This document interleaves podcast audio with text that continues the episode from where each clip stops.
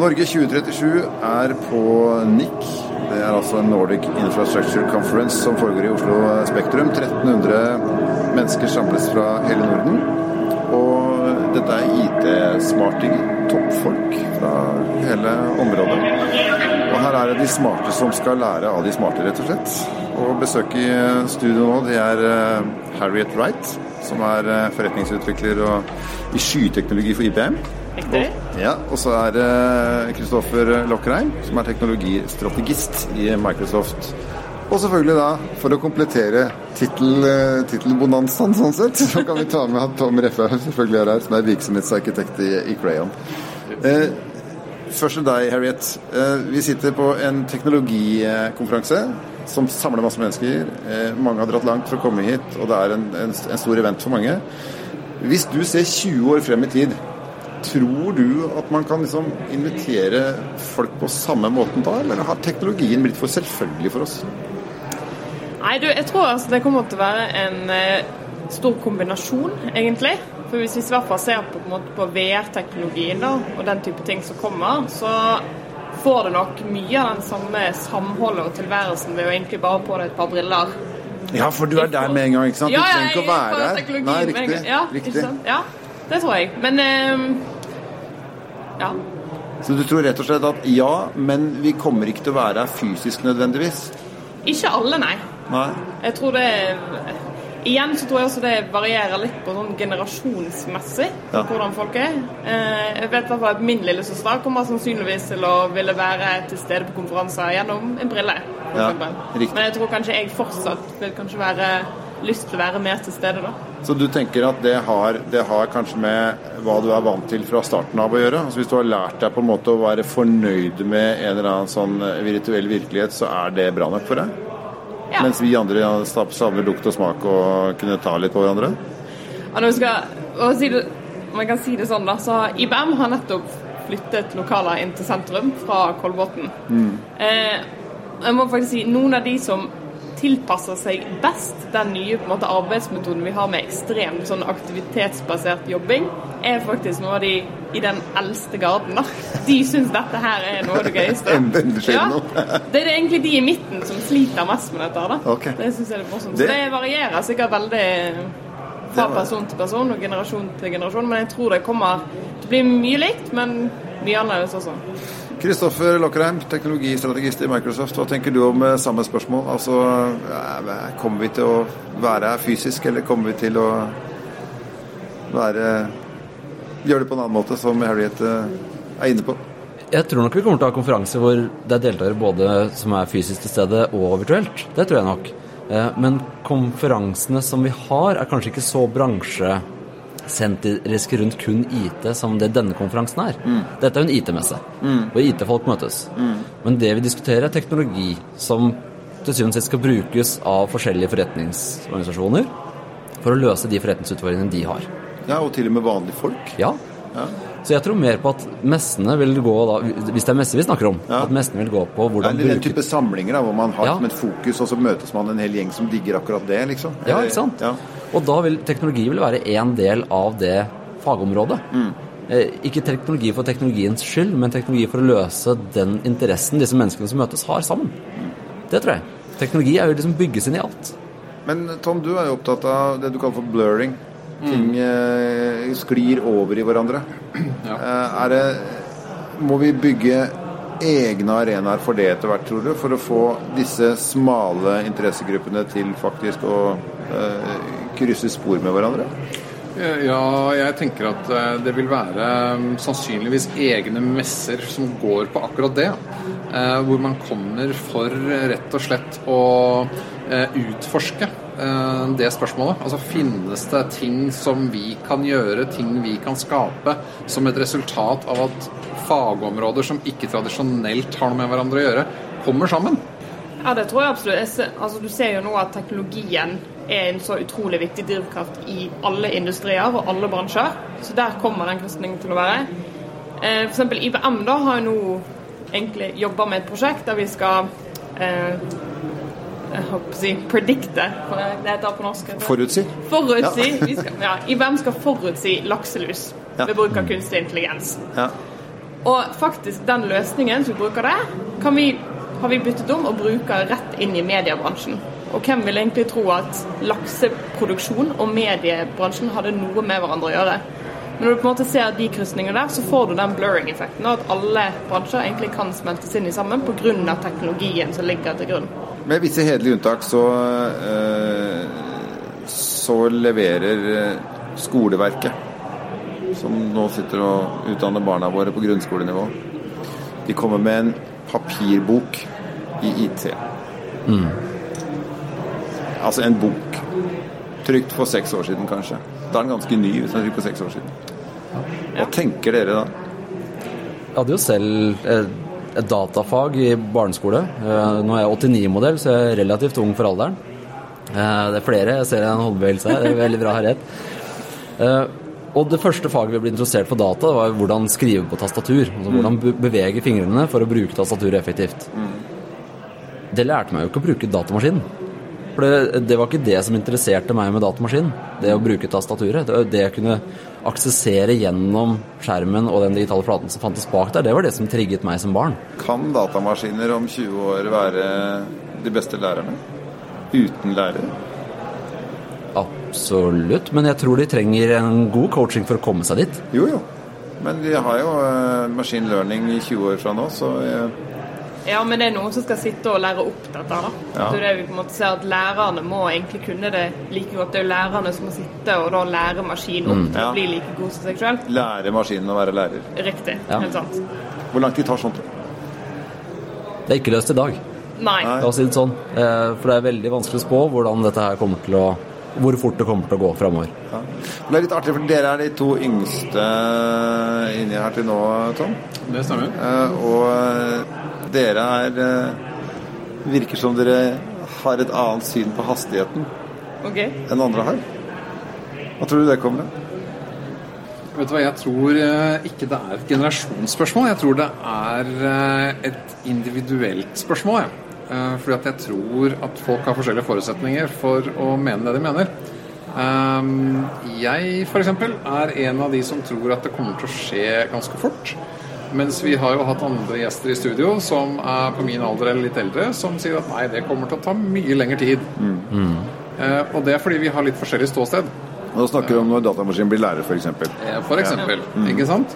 Um, men jeg tror det som er hovedsakelig forskjellen på teknologidiskusjonen vi har i dag, og den vi har om 20 år, det er at i dag så kan vi fortsatt eh, hekte av eh, teknologien fra bransjen og fagfeltet. Men som 20 år så vil ikke det være mulig. Det, vil, det, vil, det vil ikke være meningsfylt å snakke om en medisinsk behandling eh, isolert uten å ta med teknologien. Fordi legene vil ikke jobbe på måter som ikke involverer teknologi lenger. Så den der, kall det detachmenten, den der å kunne hekte av teknologidiskusjonen, som det fortsatt er mulig å gjøre i dag, det tror jeg ikke går an om 20 år. Nei, jeg tror at hvis når du blir født, så får du implantert en chip med en gang, da. Som sitter og registrerer alt som skjer i kroppen din, da. Og kan se om er det du endrer eh, litt farge i huden, så vet den at det er noe galt. Du får en, en annen tonefall, eller du sier et ord feil, så vet man at det er noe galt. Temperatur og alt, da. Som sitter og følger hele tiden. Så du får den utrolige koblingen da, mellom teknologi og Også hvis jeg får lov å være sånn politisk djevelsadvokat, da, så Ja. sier, får vi en debatt ikke sant, om vi skal eh, ha den chipen i alle nyfødte og alle mennesker som da vil. fly over 18 må velge, ikke sant, og de under må jo bli valgt for. Eh, Og så kommer debatten til å være på et etisk nivå, om eh, overvåkningssamfunn og kontroll og hvor eh, GDPR, altså hvor går all disse her eh, informasjonen osv. Og, så videre, og det er viktige spørsmål. Men så kommer noen og sier at ja ja, men hva hvis barnet ditt dør, da? Som følge av at du ikke hadde puttet inn den chipen. At legene ikke fikk vite hva som var galt. Og vi kommer jo egentlig inn på en blanding her av hva er personsensitivt og det som er min informasjon, som kun jeg skal kunne forvalte og eie. Og hvordan skal samfunnet dra en læring fra hva som skjer med hvert enkelt individ, eller fra samfunnet. For det at vi må lære mer om hva som foregår rundt oss, altså, det er kan, helt vi kan være en del av en statistikk, men beholde vår private informasjon, tenker du på nå? Ja, får vi til Ja. det, så har vi i hvert fall kommet et riktig skritt på veien mot å kunne gjøre begge deler. Ja, for det, altså Datateknologi handler jo om å kunne samle ekstremt mye erfaring veldig fort og analysere den og bruke den. mye kjappere enn folk. Og, og det er klart at eh, det er ikke noe vanskelig å se det, men det er heller ikke noe vanskelig å se det skumle bakteppet om eh, hva Altså, du må ha et veldig tiltro til systemene, da. Hvis, altså, hvis Adolf Hitler hadde hatt dette her i 1938, Mm. denne kontrollen, og bare forsynt seg av den informasjonen så mye han kunne, så Uten begrensning fra samfunnet ellers. Ikke sant? Da hadde jo verden sett annerledes ut. Ja. Tør vi å drive på sånn? eller? Vi tar sjansen på å dø isteden? Jeg bare tenker Nei, og Det er det jeg syns er litt spennende med den, det, det samfunnet vi lever i akkurat nå. Den, den debatten som foregår internt i en del av IT-miljøene, er IT-aktørenes villighet til å ta dette problemet på alvor. Um, jeg, jeg opplever til tider at, um, at nasjonalstater har et mye mer vi trenger tilgang uhindret approach enn det en teknologiaktør har. Fordi teknologiaktørene forstår hva det betyr å ta vare på brukerne sine i en helt annen grad. Og det syns jeg er veldig spennende at disse IT-aktørene til tider tar et større samfunnsansvar enn de som vi har valgt til å sitte i et kontor. det politiske miljøet, når dere ser politikere i dag, hva de snakker om, de, hvordan de snakker om det, er, er norske politikere på ballen? For dette handler om noe, så vidt jeg kan forstå, som må brukes riktig, og da er ekstremt vesentlig. Men hvis det brukes feil, så vil motargumentene kanskje ødelegge hele prosjektet. Ja, jeg tror de prøver i hvert fall. Men eh, altså, i Norge så har vi et veldig strengt personvern, og jeg skjønner jo egentlig det veldig godt. Men igjen, så for min personlige del, da, som Kristoffer sa i sted, at det med å dele data for det kollektive beste, da. Jeg kan gjerne dele helsedata om meg sjøl hvis det på en måte kan løse et problem kollektivt. Sånn har jeg Være datadonor. ja, jeg har ikke noe problem med å måte levere fra meg den dataen. da. Og det tror jeg politikerne er nødt til å kunne se i framtiden, at vi er nødt til å endre det sånn sett. Ehm, nettopp, ja, Det er jo pga. skyteknologien, for det er mye av disse løsningene ligger i skyen. Og for at vi skal få lov til å kunne egentlig gjøre et kollektivt beste da, for Norge, så må vi åpne opp for at data skal kunne komme opp i skyen på en sikker måte. da. Men det er det jo der. Det er bare Folk har et problem med at ting blir sendt opp i skyen. Folk syns det er utrolig skummelt. Men det er jo det, så får vi hører høre at den skyen lekker og sånn, ikke sant? Det er ting på avveie og Det er ikke noe morsomt. Nei, men hva gjør det at dataene dine er jo ikke nødvendigvis mye sikrere på ditt eget datasenter enn det er i Skien. Jo, jeg er en generasjon som tror at hvis jeg får noe i en postkasse, som er en blikkasse som henger utafor huset mitt med et løst lokk, da er det sikrere enn om jeg får det på e-post. Riktig, sant? Ja, da får du prøveresultatene fra sykehuset der istedenfor folk Og det er det ingen, det er det ingen som snakker om. Nei, nei, sant? At det ligger i en Ja. postkasse i nabolaget. Nei. Kanskje det er det jeg skal ta opp på neste kundemøte når de spør om sikkerhet. Hva du, Ja, brevet du fikk i postkassen forleden Hva, fra hva lever vi med, og hva lever vi ikke med? Ja. Mm. Jeg lurer på Dere er midt oppi greiene, sannsynligvis lite bekymret for at dere ikke skal klare å følge med på en teknologisk utvikling, ikke håndtere det som skjer, eller noe sånt. Men eh, er dere bekymra for andre besteforeldre som eh, kanskje virkelig kommer til å slite med å nyte godt av alt det som faktisk fins? Jeg merker det med min egen familie, som jeg ofte blir en tech-support for. Eh, at jeg er selektiv med hva jeg bruker energi på å lære dem. Ja. Jeg lærer de ti tingene som de har nytte av. Type bruke fjernkontrollen til TV-en. Ja, sitter tom og nikker. Men, men jeg behøver ikke å lære de om hvordan skyteknologien til Microsoft fungerer. Det er ikke fascinerende for de. Nei. Jeg er fascinert av det fordi jeg er en teknolog. Ja. Eh, og jeg kan hjelpe mine kunder med å oppnå nye forretningsmuligheter ved den teknologien.